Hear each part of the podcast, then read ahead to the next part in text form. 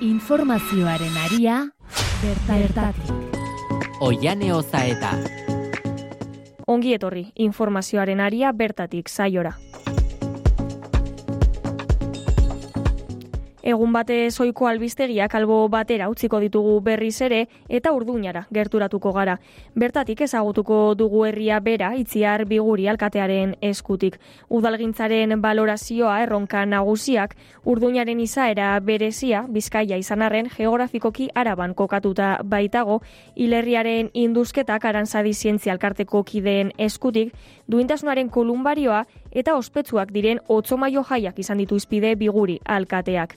Urduñako egoera soziolinguistikoa ere mintzatuko gara gaurko saioan. Izan ere, hogei urtetan Euskararen erabilera bost puntu igo eginda urduñan. Ia zerotik abiatu da.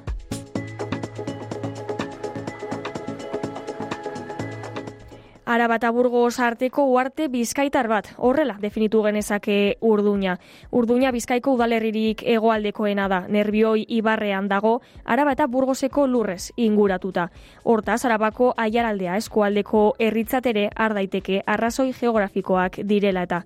Gainera, urduña da hiri tituloa duen bizkaiko biztanlegune bakarra. Guztira, lau mila eun biztanle inguru ditu. Gorobel mendilerroaren azpian dago udalerria, txarlaso mendia gainean daukala. Urduñako mendatea urteetan izan da Euskal Herritik gaztelara joateko bide nagusia. Urduña mila berreun eta hogeita bederatzi garren urtean sortu zen. Bizkaiko jaurerriaren zeigarren jauna zen Lope Diaz Arokoak irigutuna eman zionean. Gaztelako erresuman ekoizten zen artilea iribildu honetatik garraiatzen zuten Ipar Europarako bidean. Hori delata Enrique Laugarrenak Bizkaiko jaurerriko hiri izendapena eman zion. Mila bosteun eta hogeita mabosgarren urtean zute handi baten ondorioz hiri osoak liskatzeko zorian egon zen. Amazortzigarren mendean, urduña gaztelarekin lotze zuen bidea hobetu eta ireki zuten. Alaber, aduana bat eraikitzeari ekin zioten. Aduanak merkataritza gune garrantzitsua bihurtu zuen urduña.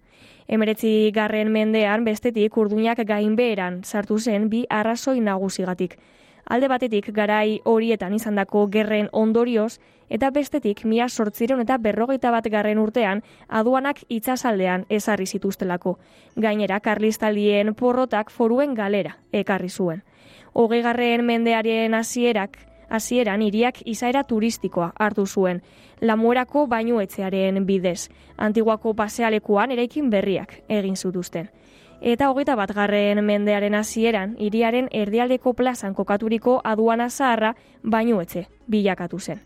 Plazaren beste aldean bainuetzearen aurrean udaletzea dago. Bertan sartu eta itziar biguri alkatearekin hitz egiteko aukera izan dugu. Orduñako alkatetzan gaude, men Orduñako plazan itziar biguri alkatearekin eskerrik asko tarte hau eskaintzagatik. Bai, kaixo egunon, eskerrik asko zuei. Bueno, azteko galetuko nahi nizuke apur bat, ba, udal gintza honen balorazio orokor baten inguruan, zelan baloratzen dituzu azken lau urte hauek? Bueno, nik uste dut, seguramente elkarrizketa hau e, alkate desberdina eginda, e, seguronik e, antzeko gauza bat erantzungo zutela, eta hau da, e, legealdi hau pizka bat zaila izan dela, ba, pandemia dela eta ez. Baina hori kenduta pizka bat, nik uste dut erronka guztiak betetzea ere, pues, e, pues, saia izan, izan dela, ba, batez ere, e, gero gainera pandemia bukatzetat zegoela, pues, bueno, ba, guda daukagulako Ukrania inguruan, eta gero pues, zenolako eragina izan duen horre guztia, eta gero zenolako eragina izan duen ere bai, egorea sozioekonomikoa orokorrean, ez da. Orduan, e, bueno, nik askotan pentsatzen dut, eh, ba, horrelako krisiak ere bai, ba, horrera egiteko ere aukerak direla, ezta? Eta guk orduan hori egin izan dugu, ez? Ba, aurrera atera gara eta beti pues, etxarranetik e, oberen ateratzen. Gure helburua desberdinak ziren, hemen e, legealdi honetarako, eta batez ere zen e, hobetzea herritarren e, egoera hobetzea, eta orduan ba, horretan zentratu gara izan dugun enean, ba, pandemia garaian ba, herritarrei e, zaintzak e, ematez, emanez, eta horrelako e, proiektuak eta horrelako e, ekintzak e, sortzen, ekintza desberdinak, eta gero ja, pues, e, ja pandemia pasatuta ba, ba jarraitu dugu lanean e, ba, herritarrei ba, beharrezkoak dituen e, baliabideak edo beharrezkoak dituen e, kontu guzti horiek ba, martxan jartzeko, ez? E, auzoetan eta herritarren parte hartzea batez ere izan da gure helburu handietaniko bat hemen e, legealdi honetan auzoak e, gen ditugun auzoek e, birgaitzea hau da, pues, bueno, ba, urbanizazioak hobetzea eta beti ere beraien parte hartzearekin, ez? Batera. Orduan hori lortu dugu eta lortzen ari gara eta horregatik ere, pues, bueno, pues, nahiko gustora gaude kontu horrekin, ez? Eta gero, pues, e, bestelakoak, pues, bueno, baia krisi gara honetan sartuta, e, aiaraldea suspertzeko ponentzia jarri zen martxan, eta horretan ere nik uste du zerbait positibo izan dela urduñarako, ba, lehenengo aldiz, eskualde geografikoa kontuan hartzen delako, ezta? Eta eta orduan guretzako pues hori ere pausu garrantzitsu bat izan da. E, berpiztu fondotatik etorri den dirua, pues kudeatzen ari gara eta bai e, ondarea berreskuratzeko edo edo auzoak ere bai birgaitzeko, ez? Orduan, bueno, pues, pizkanaka, pizkanaka, bagoa aurrera egiten, apoaren ber, berrikusketa ere hasi gara, eta nik uste dut hori estrategia potente bat dela urduina idirako, e, gure apoa 2000 garren urtekoa zen, eta ja beharrezkoa zen e, berrikuspen bat egitea, elikadura jabetzarekin ere bai, ba, elikadura estrategiarekin ere egin du aurrera, turismo estrategiarekin, ardatz nagusiak bagoaz marrasten, energiarekin ere bai ari gara komunitate energetikoa martxan jartzen, orduan nik benetan, osea ja pandemiako bi urte horiek kasi kasi ja astutak ditu.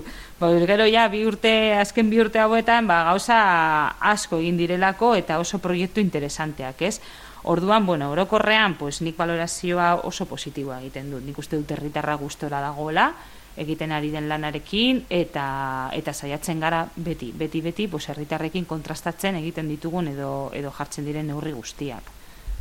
Eta zeintzuk esango zenituzke direla pues udalgintzaren gai izarrak zeintzuk izan diren, solan mm, batzuk aipatu behar bazenitu, zeintzuk izango lirateke. Bueno, vale, aipatu ditut batzuk, e, hau da, usoetan egindako lana, apoaren e, berrikuspenarekin astea, E, gero be bai pues, e, patioan egiten, eskolako patioan egiten ari garen obra, renaturalizazio obra bat dela, hau da patioa berdeagoa jartzea, baina bide batez eskolan ematen diren e, klaseak ere kalerateratzea, eta hor e, hor proiektu oso potente bat dago e, e, lortu ditugula diru laguntzak ingurumen zaietik eta eskuntza zaietik, e, gero mugikortasunean ere ba, hainbat pausu eman ditugu, e, alde zaharra, ba, e, zirkulazio, alde zaharreko zirkulazioa ere e, regulatu egin dugu, eta batez ere ba, herritarrei espazio gehiago ematearren, bide seguruak ere jarri ditugu martzan, hau da, pues, ambulategira joateko bide seguro bat, Eta gero, pues, batez ere, zaharregoitza municipala denean, ba, horre zaharregoitzaren kontuan ere, pues, bueno, esku hartu diogu, ba, pandemia garaitik ona, pues, e, pues, pizka bat emandako aldaketa guztiei hoiei ere ba, egokitzeko, ez? Eta, eta bueno, alde horretatik horiek izan daitezke agian, e, bueno, kooperatiba energetikoa, eta bar, ez? Baina gero, e, ondarearen berreskurapena, ora arrezira, arrezia berreskuratzeko e, proiektu bat daukagu oso, oso interesantea, bat, e, parke urbano bat egingo duguna, hor barruan, frontoian ere plaka solareak jarri ditugu, orduan ikuste dut proiektuan hitzak direla eta eta eh, esango nukenik arlo guztietan ba, zerbait e, egin dugula eta pausuren bat eman dugula, ezta? Orduan, pues, bueno, pues, e, eta nora, noruntz joateko, ba, e, gure legealdi honetan em, estrategian ere e, estrategian ere lan egin dugu eta estrategia desberdinetak, ez? Pues etxe bitzitzarako estrategia bat, energiarako estrategia bat, apoaren barruan ere, ba, estrategiak definitu egingo dira, ba, gure mm, gure urduina berria hori, erekin nahi dugun urduina hori, ba, irudikatu bar dugulako, eta orduan, ba, bueno, ba, pizka bate guk usten genuen, ba, ba, urrengo legealdietan, egon beharko zela ja irudikatuta urduña iria nora doan, ez? Eta horregatik pues, gehiago egin dugulan ere bai horretan, ez? Ba, diagnostikoak egiten eta diagnostikoak egin ostean ba, urrengo pausuak edo estrategiak finkatzen. Hainbat proiektu aipatu dituzu, zelakoa da herritarren harrera orokorrean, ondo hartzen dituzte proiektu hauek? Pues depende, megia da, e, proiektu batzuk errezagoak dira ulertzen, eta beste batzuk pues, gehiago kostatzen duela, ez? Eta ni zintzua izan behar naiz, eta egia da mugikortasunaren e, aldaketak pues, e, kostatzen duela, ezta? Eta alde zarran egin izan ditugun e, mugimenduak, batez ere pertsonei espazio publikoak ematearren, hau da peatonalizazio espazioak eta bar, pues, e, kintza horiek edo egiten dira aldaketa horiek e, zaila dira ulertzen, ez? Nik badakit, hemendik urte batzuetara, ba, askotan e, ezin izango dugu beste gauza batekin, esan nahi dut. Ulergarriagoa izango dela, baina badakizu askotan e, kotzen, e, ez dakit, kotzei botereak entzea, pues, kostatzen duela, ez da, hiri guztietan.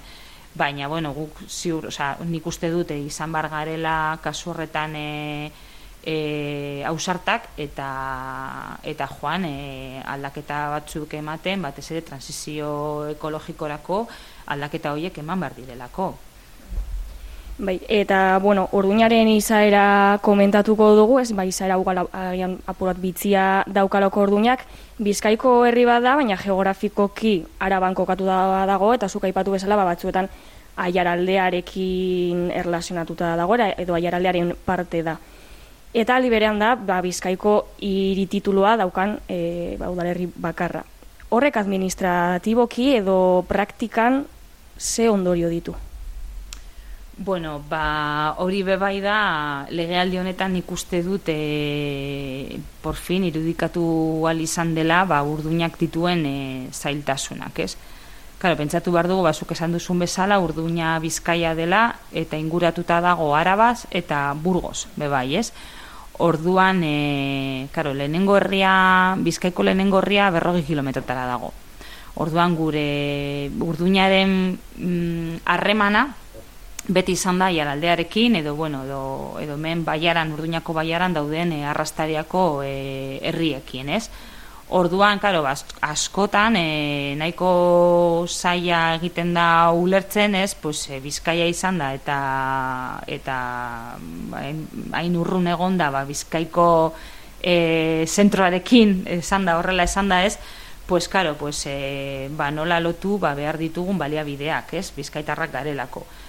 Eta nik uste dut, eta hori da, kasila, ba, gudaukagun iritzi gehiago pertsonala, e, horren eragina izan da, ba, urduina, e, udala, esan nahi dut, ez, e, instituzio moduan, ba, bere gain hartu behar izan dituela e, hainbat zerbitzu, agian e, Bilbo ondoan egonda, pues igual e, ez lituzkenak e, sortuko, esan nahi dut, ez, pues, zahar egoitza bat daukagu, eta guri ez dago, ez dago kigu zahar egoitza bat izatea, e, hori foru aldundearen kompetentzia da, baina urduñan nola gauden berroi kilometrotara ba, bizkaiko beste herri batetik, pues azkenean ba, zahar egoitza bat e, jarri behar izan zen garai batean, ez?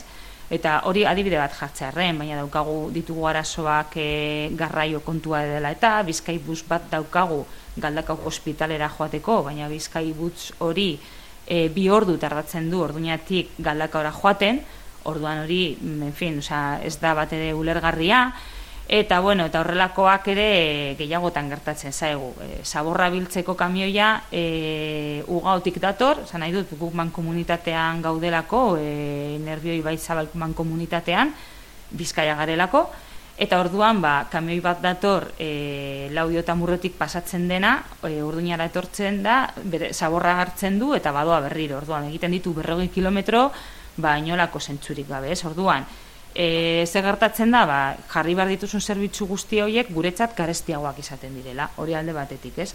Gero herritarrek egia da daukatela beti sentimentu bizkaitarraen sentimentua. Eta hori ezin izango diegu kendu, gainera zuk esan duzun bezala, bizkaiko hiri tituloa daukan e, bakarra da, eta listo, eta hori horrela da, eta ezin izango diogu burutik kendu. Baina nik uste dut e, legealdi honetan sortu dela beste aukera bat, Eta beste aukera bat zein, den, zein, zein da, ba, e, aiarako udalerriekin e, ba, biltzearena eta hainbat proiektu ekintza edo estrategiak beraiekin egitea, ez? Eta beraiekin sortzearenak. Orain hasiera batean gaude eta egia da oso berde dagoela eta momentu honetan nik esango nuke koordinazioa beharrean deskoordinazio bat dagoela, ez? Ba, Bizkaiko foraldundia, Arabako foraldundia eta Eusko Jaurlaritza daudelako hor e, hiru instituzio handi eta gero bederatzi udalerri, ez?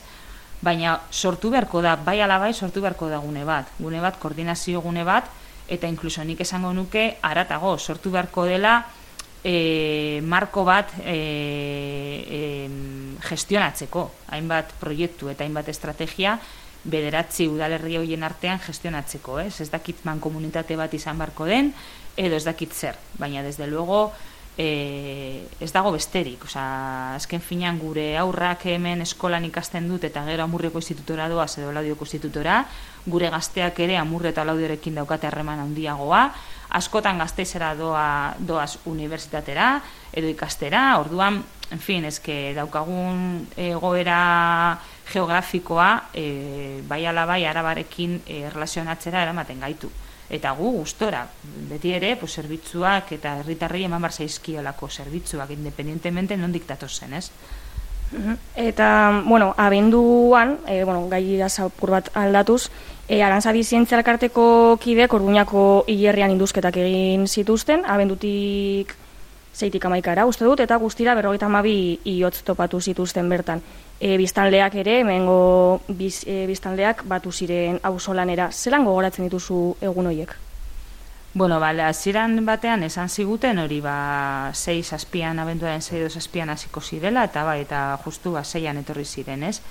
Eta ba, nik adibidez, bueno, pasatu ditut egun guztiakan, e, beraiekin eta induzketa lanetan e, laguntzen, Eta nila zeian etortzearena iruditu zitzaden ja oso paradogikoa, ez? E, abenduaren zeian justu konstituzio egunan eta guk hilerrian ba, gerra zibileko gorpuak ateratzen, ez?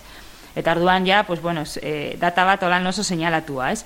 Baina gero gainera, e, lehenengo, karo, e, eskabadora sartu zutenan lehenengo momentu batean, eta ez genekien zertopatuko genuen. Osea, suposatzen genuen gorpuak egon bazeudela, baina zenbat ez genekien.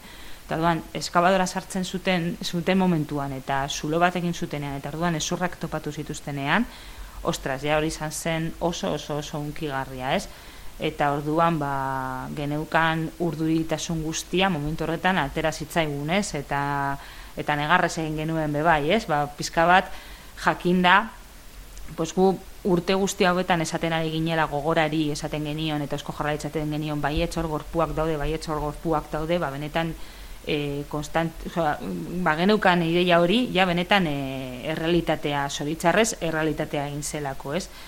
Orduan ja behin hori kenduta, esan nahi dut, ez? Lehenengo inpaktu hori kenduta, ba, lanean hasi ginen eta herritarrei e, deialdea egin genien herritarrek parte hartzeko, eta bueno, erantzuna ere oso polita izan zen, osea, urduñako eta eskualdeko jendea etorri zen laguntzera, baina laguntzera piko ipala, osea, esan nahi dut, bai, askotan esaten du, nik ez nahi sartuko, eh, ez dut sekula santan gorpu bat atera, bazkenean bukatu genuen guztiok esurrak hartzen, poltsetan sartzen, e, bos, egin barreko lanak egiten, osea, laguntza horre zuloan sartuta, ez? Orduan, e, pues bueno, penas gogoratzen dut, baina gero be bai, e, pues niretzako izan zen, izan ziren egun batzuk soragarriak eta ezin ahaztuko ditudanak eta sorte handia izan dut, ba parte hartu izan dudalako e, lan hoietan, ezta? Eta gorpuoien identifikazioa zelandoan badakizue? Bueno, e, dakiguna da, e, bueno, arantzadik editu gorpu horiek, e, eta orduan pues, ADN eta horrelako frogak egin bar zizkieten, igual batzuetan ez dakite erreza izango den froga horiek ateratzea, ba, urteak pasatu direlako, eta batzuetan ez delako posible froga horiek ateratzea, kalitatezko froga ateratzea, eta gero e, esko jalaitzak eta gogorarekin batera, ari da kanpaina bat egiten, e, estatutik e, ba, bueno, familiak edo familien e, muestrak ere bai, adenen muestrak ere lortzeko, ezta? E, claro, ez dugu astu behar hemen e, kartzelan hildakoak e, estatutik etor, ekarritako gizonak zirela, ezta? Guda bukatu ondoren.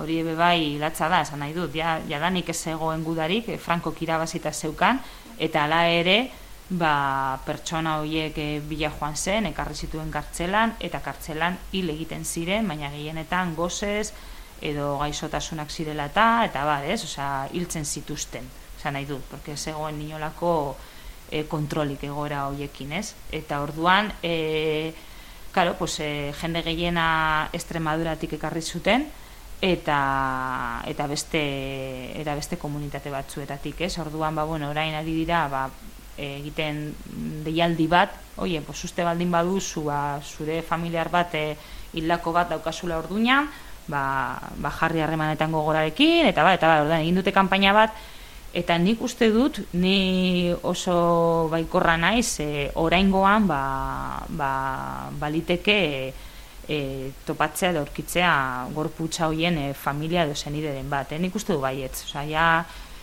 e, portzentaia handia da. Esan nahi, dira berrogeta mabi gorpu eta orduan ja pues, e, horre igotzen dugu ja probabilitatea, ezta? Ea, ea ala den. E, bueno, jarduera eusko jaurlaritzaren gerra zibileko desgaituen bi, bilaketa programaren barruan kokatzen da, arantzadi zintzerkartarekin, aipatu dugun bezala, eta orduñako udalarekin lankidetzan. Zelan sortu zen proposamen hau, edo nondik e, atera zen e, proiektu hau? Bai, egia esan da, e, e, urduñako udala mm, ez zeukan inolako, esan nahi dut, bere, bere mm, ibilbide osoan, ez zeukan hor buruan memoria historikoarekin edo lan egitea, ez? Ba, baina 2000 eta amaika, 2000 eta amabian, hemen e, urduñako langila den eta eta kasetaria den e, Joseba, Joseba Gigurenek idazten du liburu bat, ez? Egiten du ikerketa bat, eta idazten du liburu bat, eta hor erakusten digu, herritarrei erakusten digu, ba hori, ba hasiera batean e, kontzentrazio esparru bat izan zen eremu bat, gero kartzela bihurtu zutela, Eta orduan ba, ba testigantzak daude, ba nola e, gorpuak e, eramaten zituzten hilergira, ez? Orduan mm, hortik abiatu zen pizka bat e, 2012tik aurrera Urduñako udalak egin izan duen lan guztia, ez? Memoria historikoarekin. Eta orduan pues pizka bat hortik atera zen e, lana gero esko jorraetzariken batera, beraiek ere ikusi zutenean informazio hori, ba, bueno, ba, ikusten zuten informazio interesgarria zela eta gainera pues, lan esparru bat ere interesgarria naiz eta ez izan e, ohikoa izaten ari den e, exhumazio bat, osea, esan nahi dut, porque batzuetan fosak edo ateratzera doaz eta eta hau ez da horrelako kasu bat, osea, hemen hildakoak e, izena bizenekin ezagutu egiten dira, ez dakigun orden nor, baina ezagutu egiten dira, zerrenda bat daukagu, izena bizekin, nondik etortzen ziren, zen bateko adina zeukaten, eta azkenean, bueno, hilakoak dira berreun baino gehiago. Orduan, e, jakin bagenekien e, zenbat hildakoak egon ziren, eta gero hilerrian edo sartu egin zituztela hiltzerakoan, ez? Ezen fosa batean, e, en, oza, egiten zuten kutsa batean, zan nahi dut oso, eta gainera era ordenatu batean, ez? Orduan, bueno, pues, proiektua berez oso interesantea zen. Eta orduan, pues, nik uste dut hortik hasi zela pizka bate horre lankidetza kontu hau, ez? Ez da lehenengo aldia, 2008 garren urtean ez dut, beste amalau biktimen gorpuzkiak ereskatatu zituztela. E, zergatik hainbeste edo, e, garai hortan amalau eta hainbeste denbora itzaron da edo e, besteak aderatzeko. Ba, bai, galdera ona. 2008 garren urtean, e, batez ere esan dakoa, Josebaren lanari esker, eta berak ikertutako guztiari esker, e, lortu genuen gogora eta arantzariko ekipoarekin etortzea orduñara, eta hilerrian dagoen pasillo batean, e, e, sumakzioak egitea. Bueno, eskabadora sartu zuten, eta orduan ja esan genuen, ah, bai, baitu, hemen daude. Vale, pues, eta orduan, atera izan ziren amalau e, claro, hierria sonalde horretan, e, bueno, bere garaian handitu behar izan zen, eta hor ere ziren nitxo batzuk, ez? Eta orduan, claro, 2008an bakarrik egin e, izan zen zuloa, pues justo pasillo batean, ez? Eta hor topatu ziren amalau hauek. Baina ikusten zen, osea, eskabadorarekin e, alboetan eskabatutako zuloan ikusten zen gorpu gehiago baseudela, ez? 2008tik e, abendura arte, ibili gara, pues, gogorarekin, ikusten abertzen olako e, aukerak genituen jarraitzeko eskabatzen. Baina horretarako e, gainean zeuden nitsuak kendu behar ziren. Eta karo, nitxoak ziren, ba, urduñako zenidenak, esan nahi dut, urduñako herritarren zenidenak, ez? Orduan horrepe batzuk daude itxaron behar dela bai ala bai, e, hildakoak sartzen dituzunean, pues ezin dira atera gero guzturte pasatu arte, orduan epe horiek pasatu bar ziren, eta gero, pues aurten egin dugun, 2008an egin dugun lan haundiena, izan da nitxoiek kentzea, gero ja eskabazio haundi hau egin izateko, ez? Esan behar dut, karo, e, nitxoak kentzea da, nitxoak kentzea, gehi nitxo barruan dauden gorpu guzti horiek ateratzea. Orduan hor kristolako lana egin behar izan zen, zenide guztiekin hitz egin, oie, behitu zure aitit edo zua baterako dut eta jarriko dut beste leku batean, en fin, izan ziren azkenean, e, laro mar nitxo e, ustu behar izan zirenak, ez? Orduan hor e, lan handia egin behar izan da. Eta gero, ba, nitxoak botatzeko, ja, obra zibila egiteko, ez genuen lortzen dirurik eta azkenean ba, ministerioak e, atera zuen diru laguntza bat e, beraiei eskatu genien eta hemen ziguten. Eta orduan diru laguntza horrekin bota genituen nitxoak obra zibila egin genuen. Eta gero ja behingoz ba, etorri zen gogora e, arantzariko kipoarekin eta ez da eskabazioak egin zituzten. Orduan hau ez da egun batetik bestera egin behar den lana baizik eta izan zen nahiko nahiko kostoso ere bai denboran, ez? Eta, bueno, hildo honetatik duintasunaren kolumbarioa inauguratu zenuten udan, e, bueno, zer dela eta, helbururekin eta zergatik? Bueno, hau ebe bai da, pizka bat gogorarekin e, pues, adostu behar izan genuen kontu bat, ez? Karo, amalau gorpuiek, atera ziren amalau gorpuiek, oraindik ez dira identifikatu. Osa, ez, ez, dira, e, ez dira lortu, ez da lortu zenide bat topatzea, ez? Orduan, e, arantzadiko instalazioetan daude nun baitera da eman behar ziren. Orduan gogorak baseukan eraikita elgoi barren e, kolumbario bat. Baina elgoi barra eramatea ere zeukan zentzurik eta gainera ja uste dut edo beteta edo kasi beteta zeukaten. Orduan e, azkenean pos, adostu zen e, bizkaiko kolumbarioa urduinan egitea. Karo, guk honekin ere bai beti izan ditugu zalantza handiak. Zergaitik urduinakoa izan behar du bizkaiko kolumbarioa baldin eta e, oraindik ez baditugu ie, atera gorpu guztiak, hau da, hierrian dauden gorpu guztiak ez baditugu atera, bakarrik genituen amalau ez, baina aurrikusten zen, beste berrogei edo gehiago aterako zirela, eta azkenean behitu ba, berrogeta amabi, ez?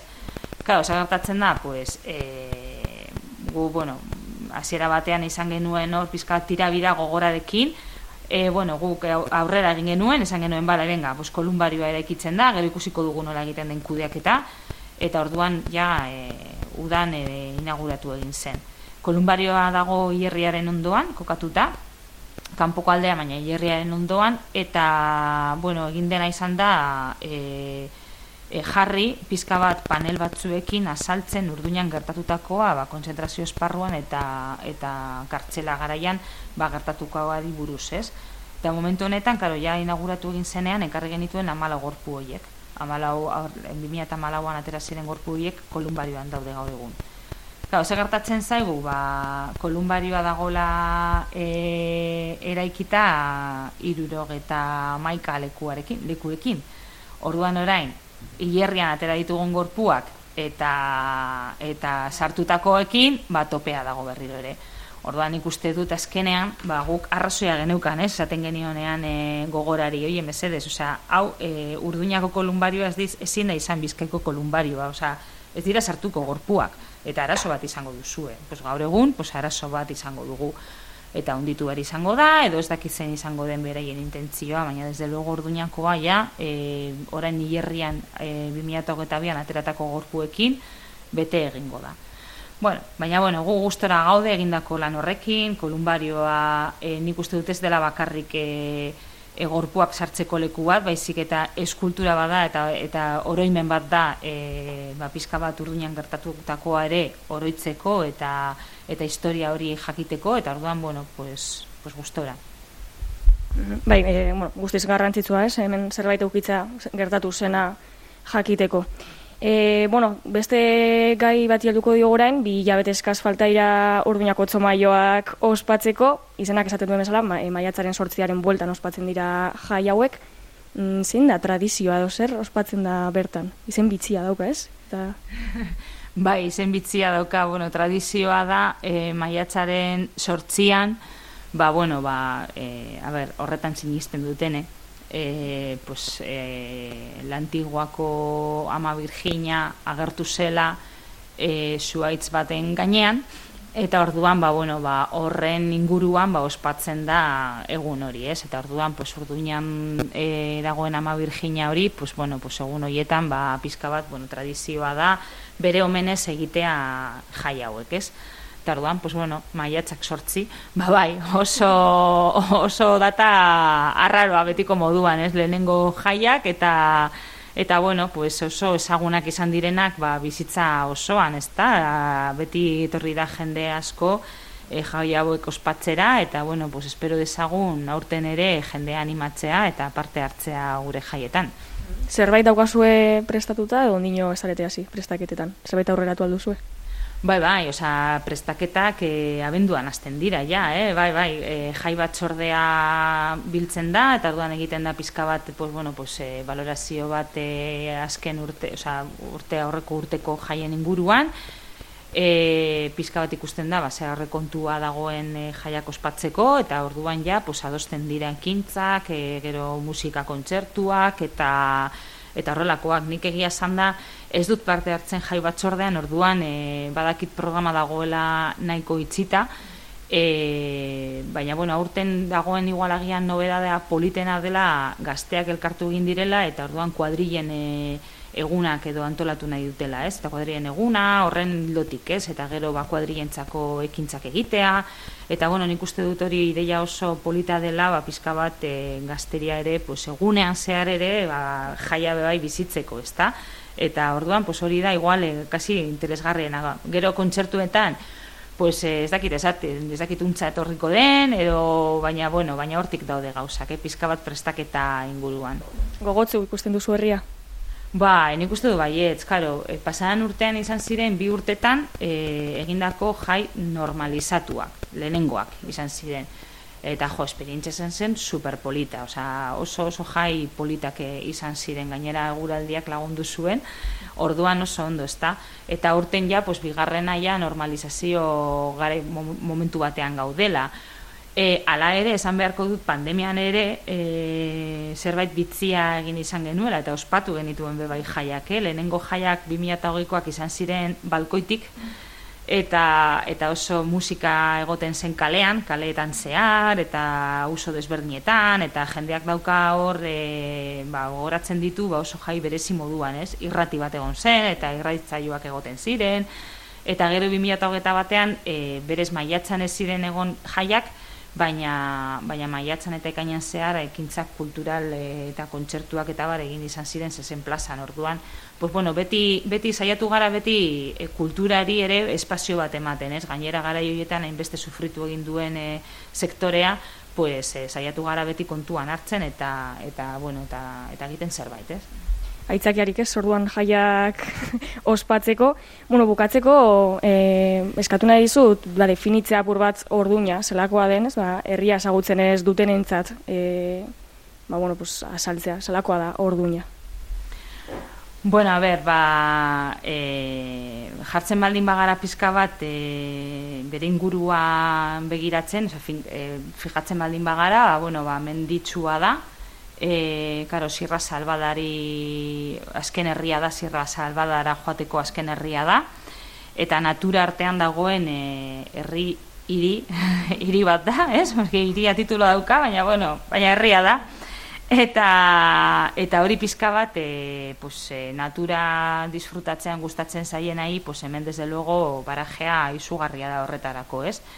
Baina gero herritarret inguruan hitz egiten baldin badugu, ba, jo, nik uste dut herritarrak oso, oso jende irekia dela, oso alaitzuak garela, eta gainera, pues, e, askotan esaten duten bezala e, oso giro polita goten dela urduinan e, egunean edo asteburuetan edo ese momentuan, ez? Nik gogoratzen naiz beti e, amurrioko inguruko herritarrak etortzen direla orduñara, eta beti e, esaldia da, joder, hemen orduinan beti dago zerbait. Eta horrela da, ez aktivitate kulturala izugarria da, eta kirola aktibitatea ere bai, eta ekintza pilo bat antolatzen dituzte, eta horri esker, pues, bueno, orduina da, hiri bat e, mugimenduan dagoen hiri bat, ez? Eta, eta eskaintza kulturala, eta natura, eta gero ere bai, gastronomikoa ere, pues ezin, obea. Orduan, bueno, nik zer esango dut, alkatea naiz, baina bakarrik esan bar ditu gauza politak eta tal, eh? baina bueno, baina bai, bai, nik uste dut e, jendeak ez badu ezagutzen merezi duen e, herri bat dela, eh? Bueno, ba, hor utziko dugu gonbidapena, nahi duenak orduñara etortzeko, eta itzear biguri orduñako alkatea, eskerrik asko benetan, ez, tarte hau eskaintzagatik. Bueno, zuei, beti dago ondo irratian ere urduña azaltzea, beraz, mila esker zuei. Itziar biguri alkateak aipatu berri dituen orduñako otzo maioak tradizio handiko jaiak dira. Izenak berak adierazten duenez, maiatzaren sortzian ekartzen dute gogora herriko biztanleek antiguako amaren urduñako zaindariaren agerraldia. Egun horretan, bertako agintariak, masolariak eta turuta jotzaileak lagun dituztela antiguako amaren santutegira joaten dira ama Virginia gurtzeko. Pare bat egun lehenago ematen zaie hasiera ofiziala otzo maioi txupinasoarekin. Otsomaio jaiak mila zeireungarren urtez gerostik egiten dira, iriko eta baiarako zaindaria den antiguako Andra Mariren omenez. Maiatzaren erdialdera bitartean jarduera anitz prestatu hoi dituzte. Kirolek italdiak, motaskotako txapelketak, abeltzaintza asokak, dantza eta antzerki emanaldiak, kontzertuak, kalejirak, aurrentzako ekintza berezi ugari eta herri baskariak. 2008 bian bihotz konpartzak irakurri zuen pregoia eta maika kale txupina jaurtitzeaz arduratu zen. Bueno lagunok, izugarrizko posa ematen dit, otxomaio sempre goilaria izateak. Gainera, aurtengo txomaioak oso bereziak dira. Azken bi urteko jaiak behar bezala ospatu ez direlako. Urduña!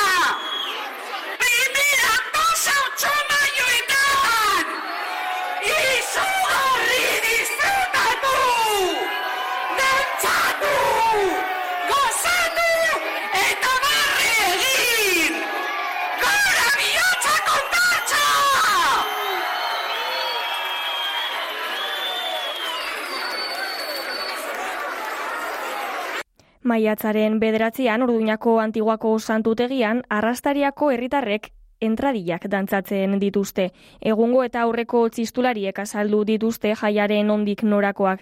Joseba Larrietak orain dela amar bat urte eman zion lekukoa koldo ulibarriri. Urduñako txistularia buru dela segizioan igotzen dira arrastariako agintariak eta herritarrak santutegira. Egun amurrioko udalaren parte dira diren aloria, artomaina, delika eta tartanga herriek osatzen dute arrastariako baiara. Mesa ondoren entradillak dantzatzen dantzatzen dituzte arrastariako gaztetxoek. Gero, segizioan itzultzen dira denak urduñara. Bidean, alkateek aginte makillaren truke egiten dute, eta ostatu zaharrera iritzitakoan alkatek herritarrei ohiko diskurtsoa eskaintzen diete.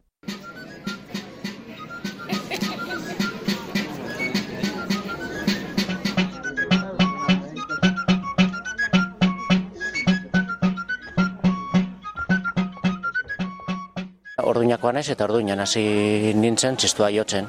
Herriko txistulariak irakatsi zidan. Joseba Larrieta izan zen, berazen herrian nolabait txistu akademia sortu zuena eta bera eta beste bizpairu txistulariekin batera ba, gaztetxoei musika eta txistua erakasten euskun.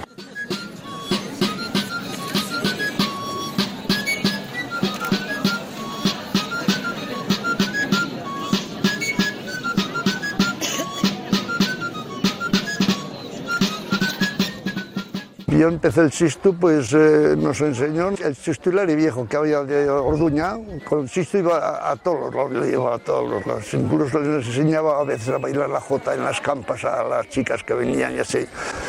Y después ya tuve, bueno, tuve una academia, una academia en casa, venían a aprenderlo. Eh, Cogí un, compromiso de enseñar el chistu y vino, pasó todo Orduña por, por casa, para cosas de las entradillas. Los- el viejo chistulari pues ya pues se hizo mayor y empecé con él y después ya yo solo. He estado, ya digo, menos 30 años, no sé cuánto, mucho.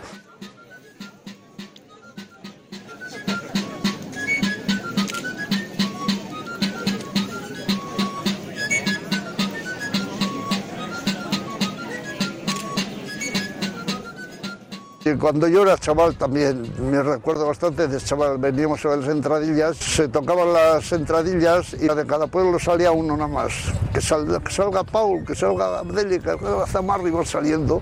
Y entonces les echaba al terminar puros, me recuerdo que entonces se echaba puros en la época de puros y dinero, o sea, era una cosa muy, muy espontánea, todo muy espontáneo. Yo iba a las aldeas a enseñarles, iba a Tertanga a todas las aldeas a ensayar pues un grupo o dos, no salían de, de dos en dos, de uno en uno salían normalmente.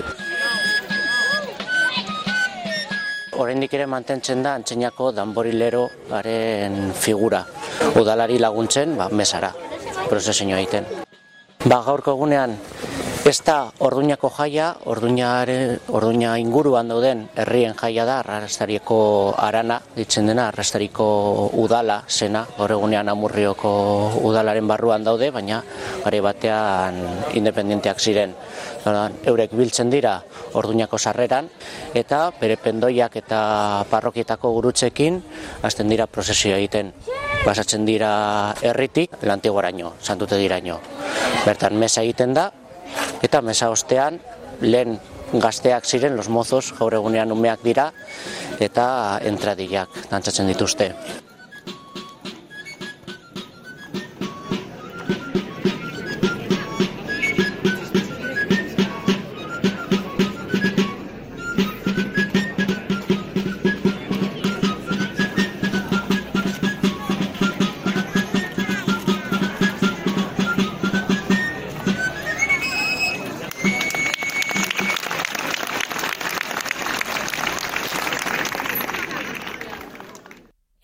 Soziolinguistikoa ere berezia da urduñan izan ere, hogei urtetan Euskararen erabilera bost puntu igo eginda, ia zerotik abiatuta. Urduñako Euskararen kale erabilera, erabilera daten, datuen aurkezpen egin zuten pasaden azaroan, soziolinguistika klusterrako belen urangak eta Euskaltzaleen topaguneko kike amonarrizek gidatuta. Banan-banan aletu zuten irian bildutako informazioa.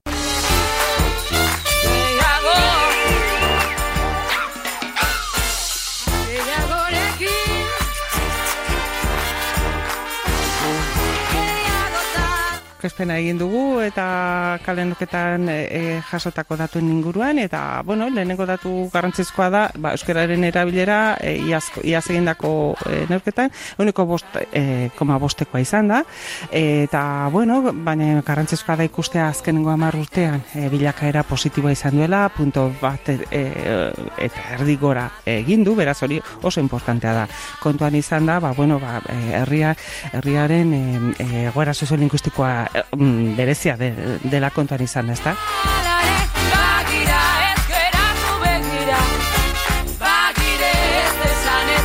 azpimarratuko genuke euskera gehien erabiltzen dan egoerak direla aurrak eta helduak elkarkin daudenean eta oso importantea da.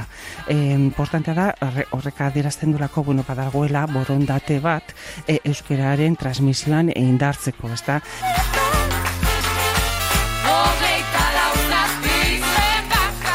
Kontuan izan behar da, bestalde, bueno, ba, gazten kasua, e, ia gehienek dakit euskeraz egiten, baina erabilera aldiz e, nahiko, nahiko basua da, eta segurasko hor erronka handi handi bat dago e, udalerri mailan mm, ba, gazte hauek motibatzeko, eta hauek, e, gazte hauek jakin dezaten zenbateainoko e, alegin egiten aidan kolektiboki, eta hor motivazio lan oso handia dago, baina seguru gaude hori posible izango dela.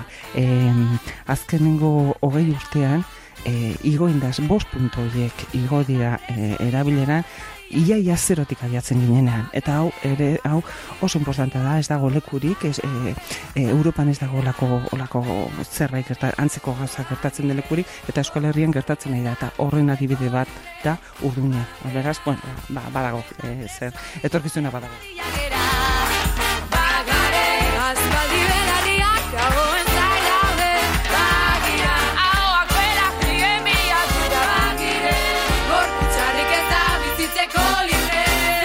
Dagoela e, kontzientziaren e, faktore bat, ez, alde batetik.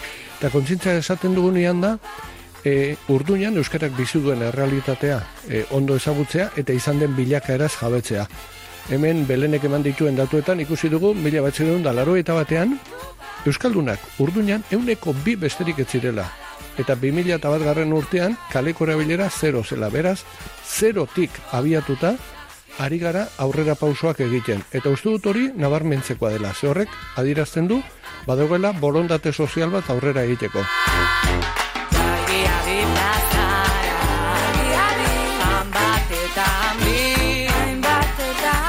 Uste dut garrantzitsua dela alde horretatik hausnarketa kolektibo bat egitea, ikusteko ze aukera erreal dauden euskaraz egiteko, euskararen erabilerari ere gero eta aukera gehiago sortzea, eta hor sortzen dira, ba, aizialdian, antolatzen diren ekintzetan, euskara normaltasunez egiten hasteko aukerak sortzea. Uste dut hor badagoela, beste klabe handi bat, eta gero hori e, ilusioz, humorez eta pazientziaz egitea.